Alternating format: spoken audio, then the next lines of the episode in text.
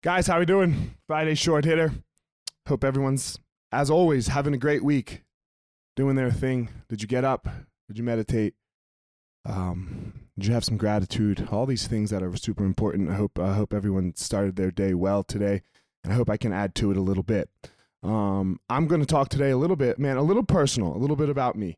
So I got into ADCC, and for those of you that don't know, ADCC is the biggest grappling tournament in the world, especially no gi.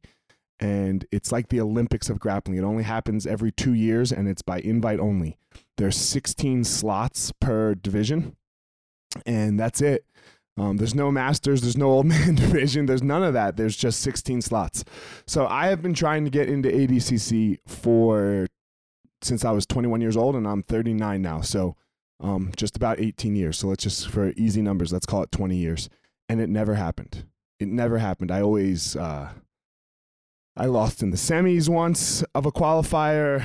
Uh, I've lost twice in the finals by a negative point. It just never happened for me. Uh, and it looked like that had passed me on. And it has not. Uh, I'm in. I'm in. I got the phone call last week that I am in this tournament. I, I, I am stupidly happy about this. And look, it just uh keep going. Just keep going. Don't give up. Don't don't don't don't ever give up. Don't let anybody ever tell you that you can't do something that that something is unachievable. Um where would we be if we listened to that bullshit? Where where where would where would the human race be if we listened to things that that that somebody said uh, were past us? That that somebody said you're not going to do that. If we had people that were giving up on their dreams and like, look, this is just, this is a small thing. This doesn't fucking mean anything to the world, but um, it's just for me an example. It, it reminds me, don't you ever give up, you motherfucker. You know, I'm talking to me. Don't you ever motherfucking give up. Don't you ever think that that's all that, that that's all she wrote. When you close your eyes for the last time, that's all she wrote. There, you're right. There's there's nothing more after that. But until that day, until that day when I close these eyes for the last time, then then it's fucking charge. It's wake up, do my thing, and motherfucking charge. Get after it. Don't listen to the bullshit. You know, don't listen to the bullshit. Don't listen to the haters. Or if you if you listen to those haters, they better fucking motivate you. You know, they better motivate you. Be careful with that. That's a slippery slope, them fucking haters.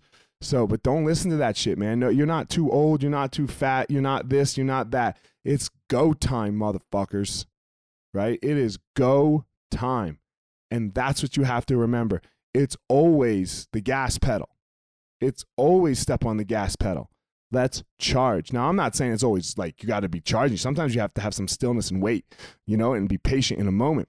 But what I'm saying is you're charging after something. You are you are always looking to get better. You are not looking to stay the same because staying the same is getting worse. Staying the same is motherfucking getting worse. So let's go. Stick with it. You don't know what's coming down the road 20 years from now right? You don't know what's coming. ADCC could be coming down the road for you. Your ADCC could be coming down the road for you 20 years from now when you thought it was it had passed you, but no, but you stuck in the game. You stayed in it. You kept pushing. You kept charging.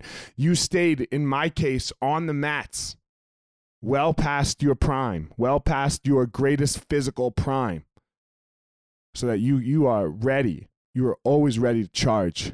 You are always ready to take whatever opportunity comes to you uh, the last thing I want to say about it before we before we peace out, uh, I want to just thank everyone that that's uh, had anything to do with my life because uh, that's why I'm able to do things. That's why I'm able, you know that uh, uh, that's why I'm able to to charge like I do because all of you people out there that that help me and keep me keep me disciplined and keep me motivated and keep that fire lit under my ass so that uh, I can be as amazing as this universe has blessed me to be. So, um, to all of you, hey, we all get to go to ADCC, especially all my Easton students. You know, we're all going. This is an Easton trip. This ain't an Elliott trip. So, uh, man, from the bottom of my heart, uh, I love every one of you. I love everybody. And uh, motherfuckers, don't you ever give up. Let's go. Find your power.